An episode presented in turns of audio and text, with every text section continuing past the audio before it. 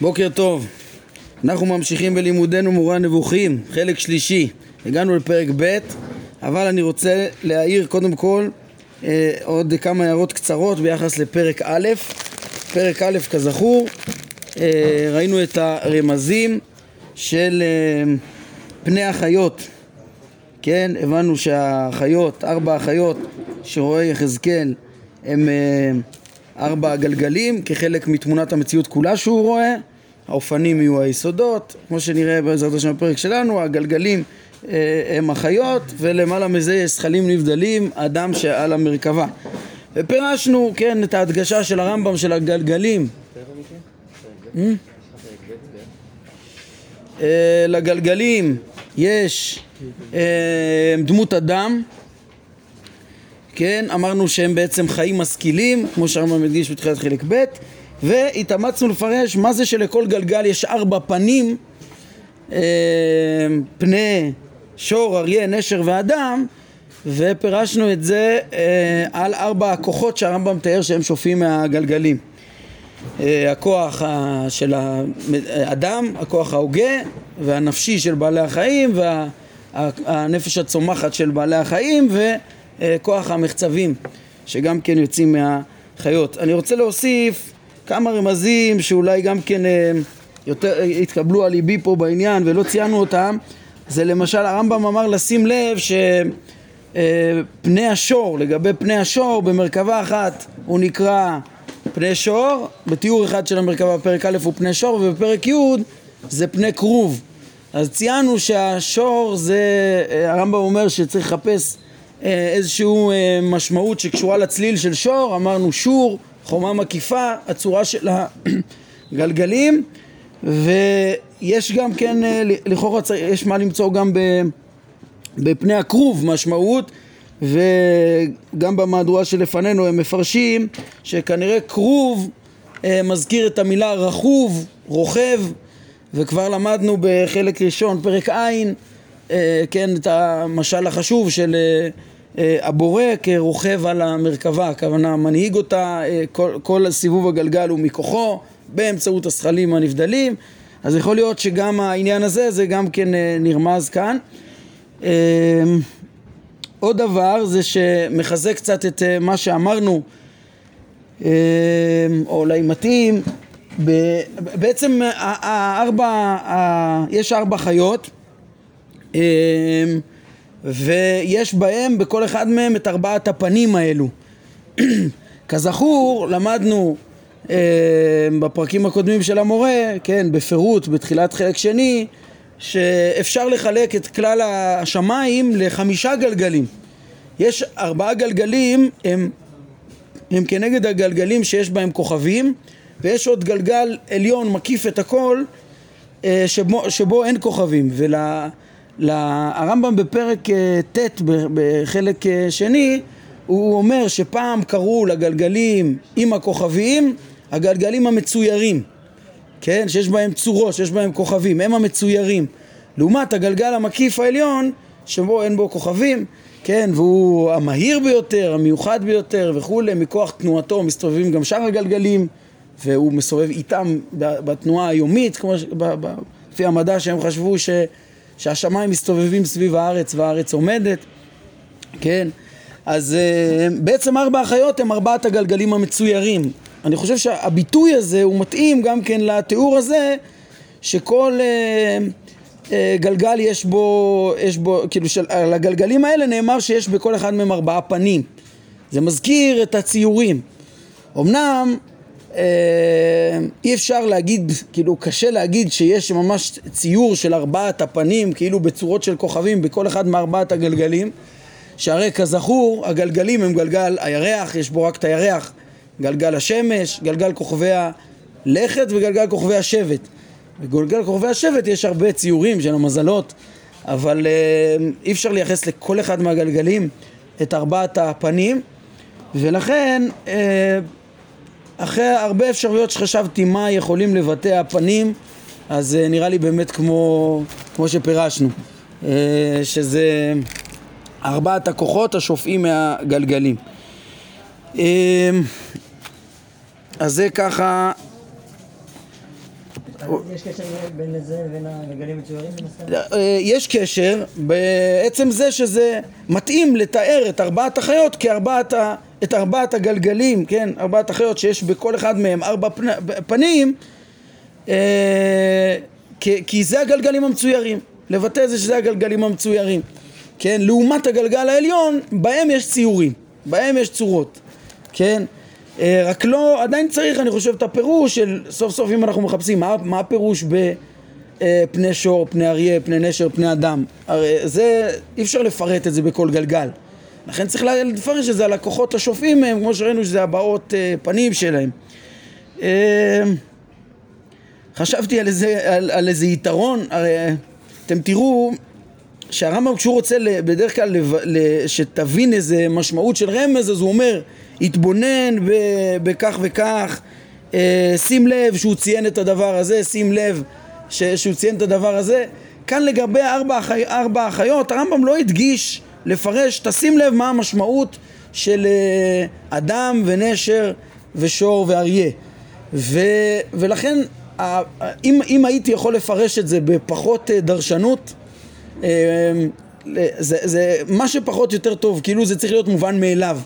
לכן בחרתי כוחות שהרמב"ם בעצמו טרח להגיד ש, ששופעים, אבל עדיין הקשר בין הרמזים הוא, הוא קצת דחוק וקצת קשה, וחשבתי אפילו על כיוון שאולי באמת אם הרמב"ם לא טרח להגיד שיש משמעות תתבונן במשמעות של ארבע החיות, אז אולי זה רק איזה מין משמעות כללית להגיד שזה גלגלים מצוירים. מצד שני, מה, יכול להיות שאין פירוש שנאמר לאו דווקא שור ונשר ואריה ואדם? לא יכול להיות, לכן העדפתי את הפירוש הראשון, אבל יש גם איזו אמירה כוללת של גלגלים מצוירים גם התחברה פה. אמירה אחרונה לגבי פרק א', בעניין דמות אדם, אז אני ישר אמרתי לכם, דמות אדם זה היות הגלגלים חיים משכילים. אמ, אפשר, כן, אנחנו נראה בהמשך עוד, אה, יש גם את דמות האדם שעל המרכבה. אה, ברור שעיקר המסר של אדם זה אה, השכל שלו בדרך כלל, כי זה עיקר מהותו. אדם הוא חי מדבר, זה מה שככה הרמב"ם מאפיין אותו, יש בו את החיות ואת השכל, אבל ההשכלה זה, זה עיקר המהות שלו, בזה בסוף הוא, הוא מיוחד לעומת בעלי החיים, בזה, כן, שם הקיום הנצחי שלו וכולי, אז זה העיקר של האדם. אה, אמרתי את זה בצורה פשוטה, אבל אני חושב שגם אפשר לסייע לפענוח הזה, שכשאתה אומר אדם זה, זה חיים מדבר או, או, או, או, או תודעה מפרק י"ד מחלק ראשון. אם אתם זוכרים, אנחנו די הרחבנו אה, על הפרק הזה, פרק שהרמב"ם מביא את המונח אדם ולא אומר, לא אומר לנו למה הוא הביא אותו כל כך. הוא אומר שזה שם של אדם הראשון, ושם של אה, המון המין, ושם של צורת המין. אז אני חושב שצורת המין זה יכול להיות חי מדבר, וזה יכול להיות בהקשרים אחרים החלק הכי מהותי בצורה, התודעה, וזה יכול לפרש לנו את uh, האדם, כל פעם גם זה, זה קצת יכול להיות בהקשר אחר, כן, אם זה פני אדם בתור הבעת פנים זה בעצם ההשפעה של, ה, של הנפש ההוגה, של הנפש ה, אה, אה, מהגלגל, כן? אם זה יהיה ביחס ל... אנחנו נראה את זה בהקשרים אחרים, כן, או כל, לכלל החיות, יש דמות אדם, זה חיים משכילים. האדם שעל המרכבה זה יהיה זכלים נבדלים, רק תודעה, בלי חיות וכולי. טוב, אבל רציתי גם להוסיף את הבסיס הזה, שלי היה פשוט, אבל אה, נשלים אותו לבסס את הדברים שלנו. עד כאן הערות לפרק א', אנחנו ממשיכים לפרק ב'. פרק ב' זה הפרק הכי מרכזי בפענוח של אה, כלל המשל של אה, המרכבה. אנחנו נראה פה תיאורים לחיות, זה הגלגלים, לאופנים, זה היסודות, ותיאורים קצרים לאדם שמעל המרכבה. והפרקים הבאים ישלימו לנו את, ה... את התיאורים, והרמב"ם עוד יוסיף אמירות חשובות בנושא הזה. אבל זה ממש הפרק ש, שיש בו הכי הרבה פרטים לפענוח המשל הכללי של המרכבה, וכדרכו של הרמב"ם הוא לא אומר פה כלום, ואנחנו נצטרך uh, להתאמץ לפרש את, uh, את הכוונה של הרמזים שלו. הוא רק כאילו אומר אמירות במשל, בדיוק כמו שראינו בפרק א', אמירות במשל, ואנחנו, ומי שהוא למד את הפרקים של הספר יכול להבין גם למה הוא רומז בנמשל. אומר הרמב"ם, הוא ציין שהוא ראה ארבע חיות ארבע גלגלים, שכל חיה מהן בעלת ארבעה פנים, מה זה ארבעה פנים? פירשנו, ארבעה כוחות אה, ששופעים מהם, שמתבטאים בהבעות הפנים, כן? ו... אה, כן, אותם ארבעה ארבע חיות, היה חשוב לרמב"ם קודם כל להבין בפרק א', ש, שלא תחשוב, תדמיין אפילו לא במשל שזה בעלי חיים, זה אדם. זה, הגלגלים הם, הם חיים משכילים ולא דימו אותם אפילו באדם. אה, סליחה, בבעלי חיים, כמו שהרמב"ם ציין בפרק מ"ט בחלק א'. כן, אז קודם כל יש את הארבע חיות, ראינו שהם חיים משכילים בפרק א', עכשיו יש להם גם ארבע פנים, גם זה למדנו בפרק א' בעצם, את הרמיזות שלהם, לכל חיה ארבע פנים, כי מכלל, כל גלגל וגלגל שופעים אותם כוחות ב... בעזרת כל הגלגלים שופעים הכוחות שדיברנו לדומם, צומח, חי ומדבר הוא ממשיך, הוא בעלת ארבע כנפיים מה זה שלגלגלים יש ארבע כנפיים? אז פה אה, אפשר למצוא את הפתרון מתוך פרק מ"ט בחלק א', ששם אה, יש בעצם שני, יש פרק מ"ג הוא עוסק בכנף, כן? שם הוא מפרש את השש כנפיים של... אה, שש כנפיים שנאמרו אצל ישעיהו אה, שרפים, אה, כן, עומדים ממעל או שש כנפיים לאחד. אז שמה, אבל זה לא שייך לאותו תיאור של ארבע כנפיים, כן? שם הרמב"ם אמר שיש שם שניים, אה, הרי כתוב בכתוב, שניים יכסה פניו, שניים יכסה רגליו. והרמב"ם בפרק מ"ג מפרש, יכסה פניו זה, פניו שם זה אמיתת מציאותו, היא נעלמת. כי כנף זה סתר. ורגליו זה מה שבא בסיבתו, כן? כי, כי, כי לרגלי זה גם בסיבתי. מה שבא בסיבתו גם נעלם, כן? הפעולות של הזכלים הנבדלים. שם הוא מדבר על המלאכים, כן? לא על, על, על, על השש כנפיים של המלאכים. וה, וש, ועוד שתי כנפיים, הרמב"ם מפרש בפרק מ"ט, שזה מסמל, זה כאילו לבטא שיש תנועה למלאכים, אבל, כן, זה במשל, לומר שהם קיימים, הם חיים, הם פועלים. כן? אבל בנמשל הם בעצם מה הסיבות תנועה. הזכלים הנבדלים הם גורמים שהגלגלים יסתובבו, כן? אז שתי הכנפיים האלו של התנועה של המלאכים, הם הרי אין להם דמיון לא דמות הגוף ולא כנף כמובן, אין צריך לומר, ראינו את זה כבר הרבה פעמים, אלא הם זכלים נבדלים בתודעות מופשטות שאי אפשר לעמוד על, עד הסוף על מהותם, כמה הם, כן, תודעות שיודעות את בוראן ו... אבל אותם משתי הכנפיים האלה שהרמב"ם בסוף פרק מ"ט אומר שהם סיבות התנועה אנחנו יכולים להבין מהם ארבע הכנפיים של החיות. למה? כי הרמב"ם אה, לימד אותנו בפירוש בפרק י' מחלק שני שיש לגלגל ארבע סיבות תנועה. ארבעה דברים שגורמים שהוא יסתובב. שמה זה? השכל הנבדל שהוא משיג. השכל שלו שבאמצעותו משיג את השכל הנבדל נפשו וכדוריותו. זאת אומרת הגלגל בצורה עגולה שמאפשרת לו את הסיבוב הנצחי ויש לו נפש ויש לו שכל והוא משיג את השכל הנבדל וכדי להידמות אליו בהשגה ובהשפעה ופעולה הוא מסתובב. בקיצור יש ארבע סיבות התנועה זה ארבע הכנפיים. חלק שני פרק י' שם ארבע סיבות התנועה ומניין שכנף מסמלת את ארבע סיבות התנועה זה, זה חלק ראשון פרק מ"ט אה, הגלגלים יש להם גם, כן, כל חיה היא בעלת שתי ידיים. מה זה שתי ידיים? כן, שתי, הידיים הם אה, עבר הפעולה של האדם, כן? ו, ושתי ידיים זה בעצם הפעולות, הרמב"ם שם, באותו פרק, אה, או בעצם גם ב... הרמב"ם, הרמב"ם דיבר על שתי פעולות מרכזיות שה... הגלגלים פועלים במציאות גם כן מופיע, מופיע שם בפרק י'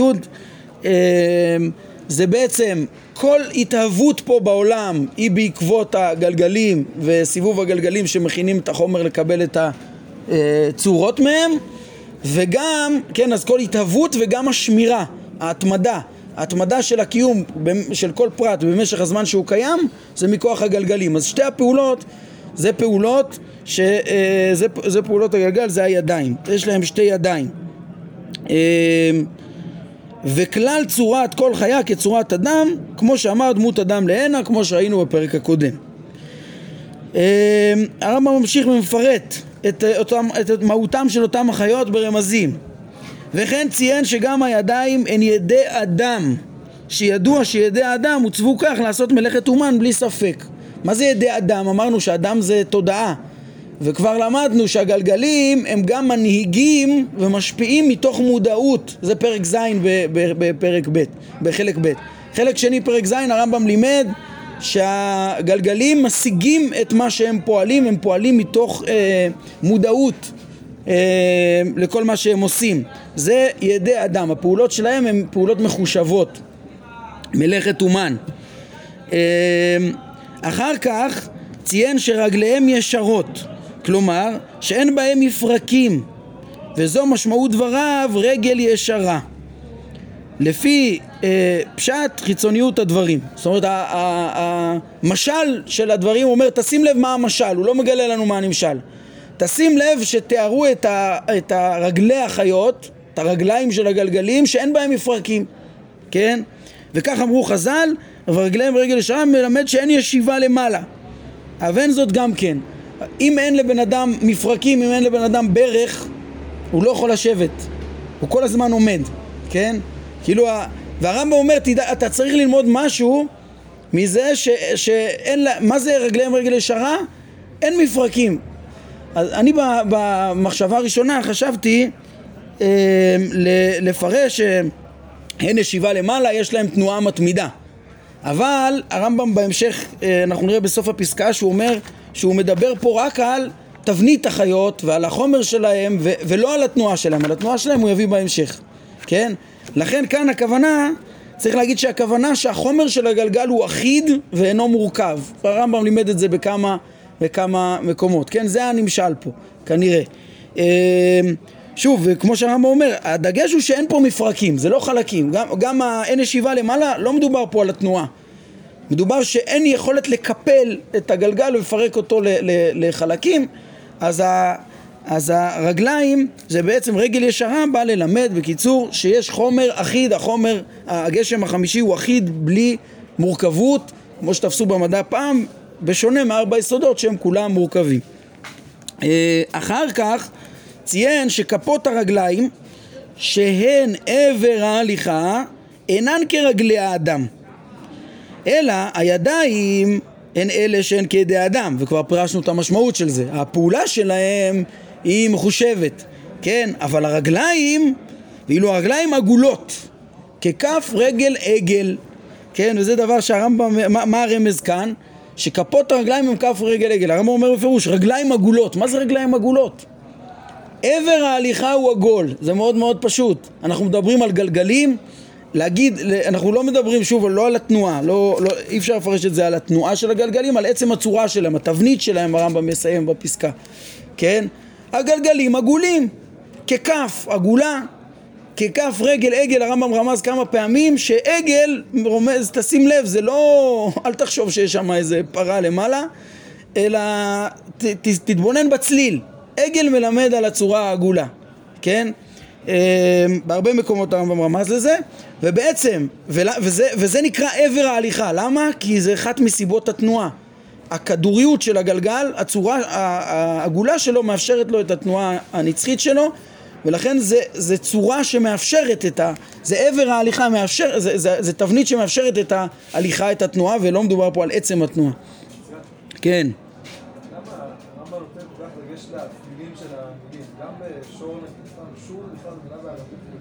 כן, כן. נכון. הרמב"ם היה ברור לו מראש כן. גם שם זה בנות צעדה לשור, על החומה, בנות צעדה לשור זה על החומה יש שרצו לקחת את זה גם לראייה, אני מפרש, כל מה שאני אומר פה, פענוח הרמזים, יש כאלה שהם יותר ברורים ויש כאלה שפחות, אבל כמעט בכולם, הסתכלתי קצת במפרשים, ראיתי גם הסברים אחרים, הם אפשריים, הם לא...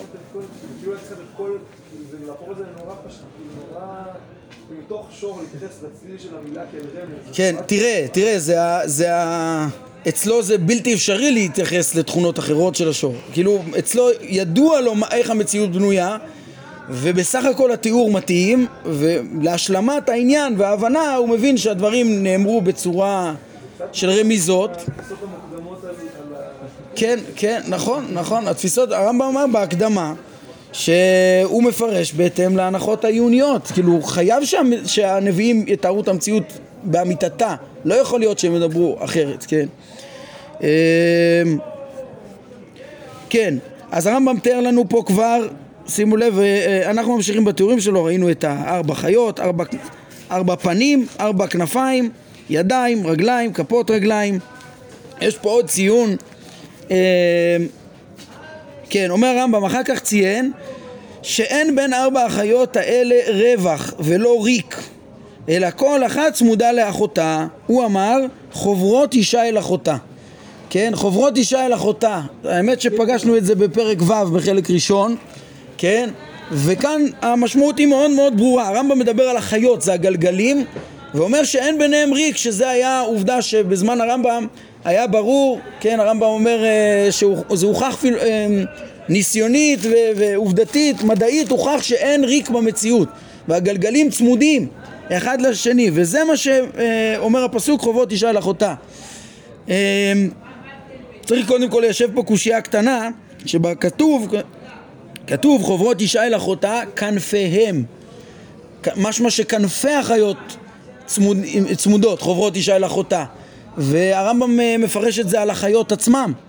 לא על כנפי החיות פירשנו שזה סיבות התנועה, אז זה... סיבות התנועה זה, זה משהו מופשט, כן, אפילו הכדוריות או משהו, הכנפיים, הרמב"ם גם יגיד מיד שהכנפיים הן פרודות מלמעלה, תראו את ההמשך רגע. אחר כן ציין שאף על פי שהן צמודות, החיות עצמן צמודות, הגלגלים עצמם צמודים בלי ריק, פניהם וכנפיהם נפרדות מלמעלה. הפנים והכנפיים הן נפרדות, הן לא צמודות, רק החומר של הגלגלים צמוד. הוא אמר, ופניהם וכנפיהם פרודות מלמעלה. התבונן בדבריו מלמעלה, כי הגופים צמודים, ואילו פניהם וכנפיהם נפרדים, אבל מלמעלה. מה הרמב"ם בעצם אה, אה, רומז פה? כן, אז, אז אה, הרמז פה הכנפיים אמרנו כבר זה סיבות התנועה. וסיבות התנועה, השכל הנבדל, השכל של הגלגל, הנפש, כן, יש גם את הכדוריות, אבל פה הוא מדגיש שדווקא הכנפיים שמלמעלה, סיבות התנועה של הנפש, השכל, השכל הנבדל שגורמות לסיבוב הגלגל, הם נפרדים, הם הרי הם לא גשמיים בכלל, הם uh, מופשטים, הם לא במקום, לא שייך בהם uh, צמידות, כן? גם הפנים שפירשנו, פירשנו שהפנים זה הכוחות ששופעים מה, מהגלגל, זה כוחות חיוניים. הכוחות הם כל אחד כוח לפני עצמו, הנפש ההוגה, הנפש החיונית, הנפש הצומחת, כוח המחצבים, כולם כל אחד מהות לעצמו, הם נפרדים במהותם, אבל חומר הגלגלים הוא זה שצמוד.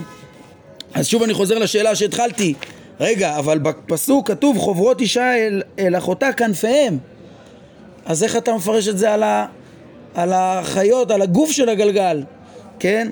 אני חושב ש, שאפשר להבין, כן, כנף זה גם, הרמב"ם נתן לזה כמה משמעויות. בפרק מ"ג הרמב"ם אמר שכנף זה גם, יש מכנף הארץ, זה גם קצה הדבר, כן? אה, על כנפי בגדיכם, זה גם קצה הדבר. אז כאילו הקצוות של, פה הכנף זה לא הכנפיים של החיות, זה החיות עצמם. חוברות אישה על כנפיהם זה כאילו הקצוות שלהם צמודות אחת לשנייה בלי ריק. ככה נראה לי צריך לפרש את הדבר הזה, ומסייע לזה ההבחנה שיש חוברות אישה אל אחותה, מצד שני כתוב בפירוש בניהם ו- ו- וכנפיהם פרודות מלמעלה, אז הכנפיים שחוברות הן לא הכנפיים ש- שפרודות, כן? אז uh, קודם כל אז ככה צריך ל- ל- ליישב את העניין הזה, ואני צריך ל- ל- ל- להוסיף על זה uh, עוד התייחסות לאיך שאנחנו פירשנו את הדברים בחלק ראשון uh, פרק ו' אני אגיד מאוד בקצרה, אני רוצה לפחות לסיים פה את הפסקה. אז אה, אם אתם זוכרים, שם יש פרק שמדבר על איש ואישה. איש ואישה, אח ואחות, על המונחים האלה, והרמב"ם לא אומר בדיוק למה הוא, למה הוא פירש את, ה, אה, את העניין הזה. והרבה נסמכו על התיאור של איש ואישה, אח ואחות, שנזכר שם, כאילו לומר שהרמב"ם ברמז לימד שאדם וחווה הם חומר וצורה והם רק משל, כן? עכשיו אנחנו מאוד, מאוד הערכתי כל כך רציתי להוציא מהפירוש הזה, להגיד שהכל שם היה רק משל, שלדעתי כבר הארכנו בזה גם בפרק ל' והוכחנו, הבאנו ראיות ש, שלפי הרמב"ם הסיפור היה כפשוטו, עד כדי כך שממש גם לא רציתי לפרש שהרמז באיש ואישה, אח ואחות זה לחומר וצורה. אמרתי שהנה אישה אל אחותה זה אחיות, אחיות שנרמזים כאן, שהן צמודות אחת לשנייה. כן, התקשיתי שם, אם אתם זוכרים, יש שם ביטוי שהוא אומר שכל דבר שמוכן להתחבר באחר נקרא, אה, קוראים לו לשון אחות, אחווה, אישה אל אחותה, כן? ואז זה כאילו יותר התאים לי שהחומר מתחבר בצורה, אבל גם פה כאילו פירשנו את זה שהגלגלים הם צמודים אחד לשני, אבל מה זה כל דבר מוכן להתחבר לאחר? מה, הגלגלים מוכנים להתחבר אחד בשני? לא, אז זה כאילו כדי להעמיד את הפירוש הזה שנראה לי נכון, אז uh, הוא גם נכון, אז כאילו צריך להבין ש, שהרמב"ם השתמש שם במשל, כן? כמו שהיריעות חוברות אישה אל אחותה, הן מוכנות להתחבר אחת בשנייה, כן? או כל דבר שמוכן להתחבר אחד בשני בכל מיני סוגי חיבורים, לא דומה חיבור היריעות לחיבור חומר לצורה לצמידות הגלגלים, כן? אבל הוא אמר איזה לשון כללית שהיא לא מקשה באמת לפרש את זה בהקשרים אה, שונים וגם בהקשר של צמידות. אני חושב שהרמב"ם רמז גם לכאן, כן? והראיה שנזכר שם גם אחות. אם הוא רק מדבר על אה, אדם וחווה, אז מה פתאום מדובר על אחות? מצד שני, אני, אה, אחרי שלמדנו גם את פרק ל' ועוד נראה גם בחלק הזה, בפרק ח', זה ברור שהרמב"ם ראה באדם וחווה בפרק ב' גם משל לחומר וצורה, כן? ואי אפשר להתעלם ש... ש, ששם הרמב"ם בפרק ו' הוא רומז, וברור לי שהוא רומז גם למשל של אדם וחווה כ, כחומר וצורה, אלא מה? לא מתוך טענה שהכל משל, כן, ובזה אני מסיים את ההערה, כמו שהדגשנו, אלא הרמב"ם תיאר שהייתה בריאה, הרמב"ם סידר בפרק ל' בחלק שני את, את, את אה, סדר הבריאה לפי, בסדר הגיוני שמתאים למדע, והוא גם אמר שבתוך הסיפור של אדם וחווה שבאמת היה אדם שנברא בצורה כזאת מופלאה ונצטווה וחטא וכדומה, בתוך זה גם נרמזו עוד הרבה סודות של עצם המהות של מבנה החומר ומהות של האדם שיש בו צלם אלוהים ויש בו חומר והחטאים מצד החומר. זה מסר שהרמב"ם אומר שהוא מסר של, של ספר משלי וראינו בהקדמה של המורה ונראה את זה בפרק ח' פה בחלק הזה ראינו את זה בפרק י"ז שם ובהרחבה בפרק ל' בחלק שני ראינו, ברור שהרמב"ם אומר שגם יש את הדבר הזה שם ולכן אני אומר שזה נמצא בפרק ו' אלא שזה תוספת, כן? ולכן אני אומר עכשיו, בפרספקטיבה עכשיו שאמרנו בפרקי המרכבה, אני אומר שהוא גם רומז לחוברות אישה אל אחותה שכאן, הוא לא סתם מביא שם את הפסוק הזה, וגם לחומר וצורה, שזה שני מסרים חשובים. ואגב, לגבי המבנה של הפרקים שם, א' עד ז', נשלים רק את ההערה ממש בזה, אה, בנקודה קטנה, א' עד ז' בחלק א', אז בזמנו אמרנו שיש יתרון להבין שפרק ו' הוא רומז למרכבה, כי אם לא, מה פתאום הוא מובא שם?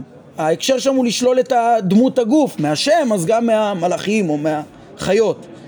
לא, אפשר גם לפרש את זה בהקשר של אדם וחווה, שהרי בפרק א'-ב' הרמב"ם פירש מהו צלם אלוהים, כן?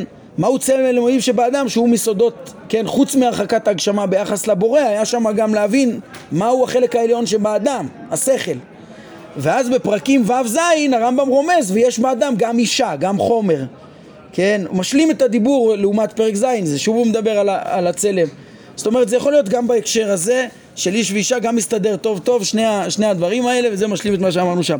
טוב רק נסיים את הפרק כאן עד כאן בעניין חובות אישה אל אחותה אז הרמב"ם ציין פה עוד את העובדה הזאת שהגופים מחוברים הגלגלים צמודים חובות אישה אל אחותה עוד ציין שהם זכות כאין נחושת כלל כן כתוב בפסוק ונוצצים כאין נחושת כלל כן כמו שהרמב"ם מתאר את, ה, את הגלגלים הגלגלים טהורים וזכים כזכוכית וכספיר כמו שהוא אה, כלשונו במשנה תורה וזה רמז שהוא רמז אליו הרבה פעמים שבעצם, ודרך אגב יש פה שני, נחושת זה החומר הנוצץ שמסמל את הזכות של הגלגלים וכלל זה מסמל את הקלות שלהם. זאת אומרת שהם שונים מחומר היסודות. חומרי היסודות הם, כאילו, הם כבדים. מה זה כבדים? גם כל אחד עם התכונה שלו, האש והאוויר עולים למעלה, המים והארץ יורדים למטה, אבל יש להם כובד וקלות. וה...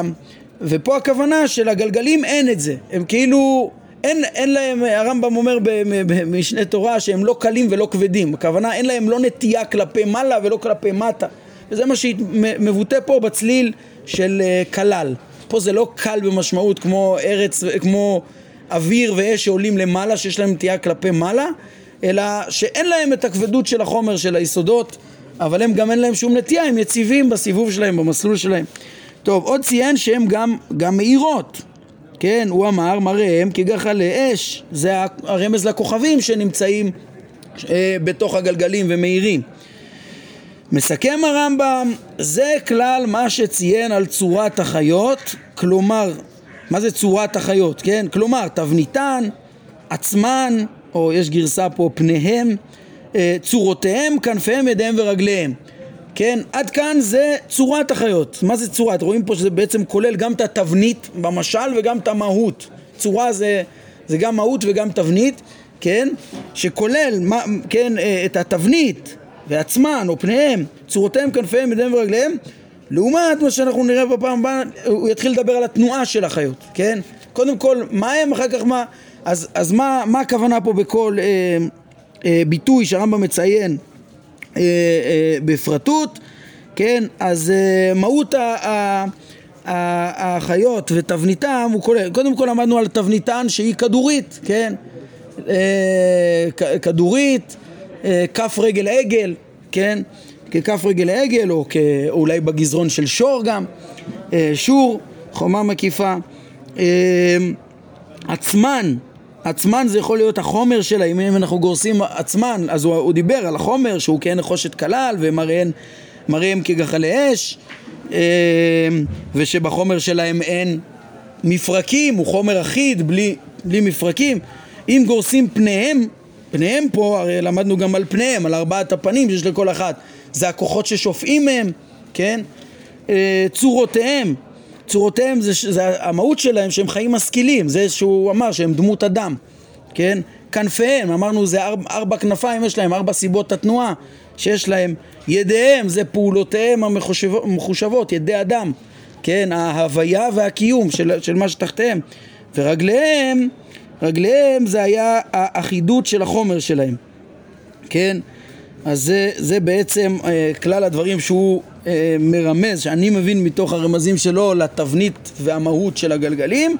הוא יתאר אחר כך, בעזרת השם פעם הבאה נראה גם את התנועה שלהם, נשלים את החיות, יש לו דיבור על האופנים ועל השכלים הנבדלים, על האדם של המרכבה. אנחנו נעמוד כאן להיום. ברוך אדוני לעולם, אמן ואמן.